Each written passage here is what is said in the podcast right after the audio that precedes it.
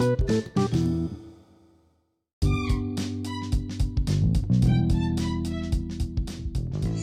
para remaja yang pastinya jomblo, sendirian, dan sering rebahan.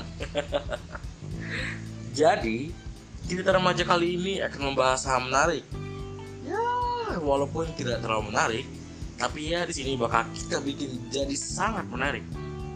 Gak sabar kan? Jadi langsung aja. Batuk dulu. Kembali lagi di cerita remaja episode 12.